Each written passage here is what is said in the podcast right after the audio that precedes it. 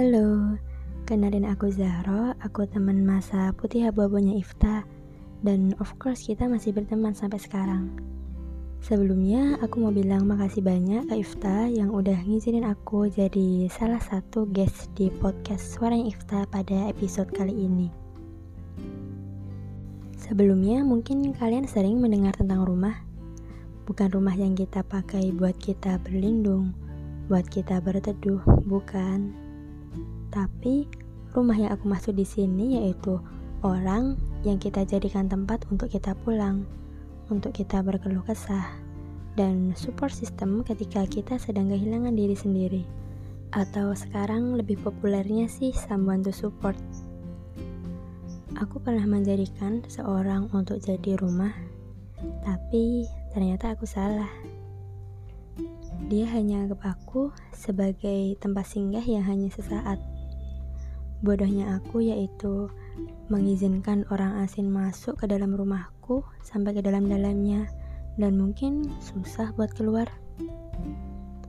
Aku gak mau nyalahin dia karena dia kan emang punya hak atas keputusan yang mau dia pilih. Tapi masih terekam dan terlintas jelas dalam pikiranku sampai saat ini yaitu mengapa kamu memberi harapan sedangkan kamu gak mau aku terus berharap. Sedangkan apa yang kamu lakuin itu membuatku ingin terus berharap dan membuat harapan-harapan baru lainnya. Kamu memang sangatlah hebat, tapi hadimu memang sangat singkat. Aku pernah menjadikanmu suatu alasan hebatku untuk tetap bertahan dan tetap kuat. Dan mungkin alam semesta tahu akan hal itu. Namun, waktu berputar begitu cepat Hingga akhirnya aku mulai lelah dan mulai menyerah. Dan aku memutuskan untuk tak lagi menjadikanmu rumah. Terima kasih ya sudah pernah ada dan sudah pernah menjadi alasan hebatku untuk tetap kuat. Maaf banget jika aku pernah berharap hal ini bisa jadi selamanya.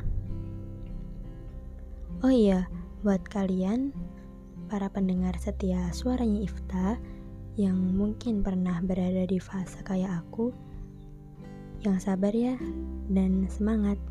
Emang people come and go. Kalau ada yang pergi, pasti ada yang datang. Tapi it's okay.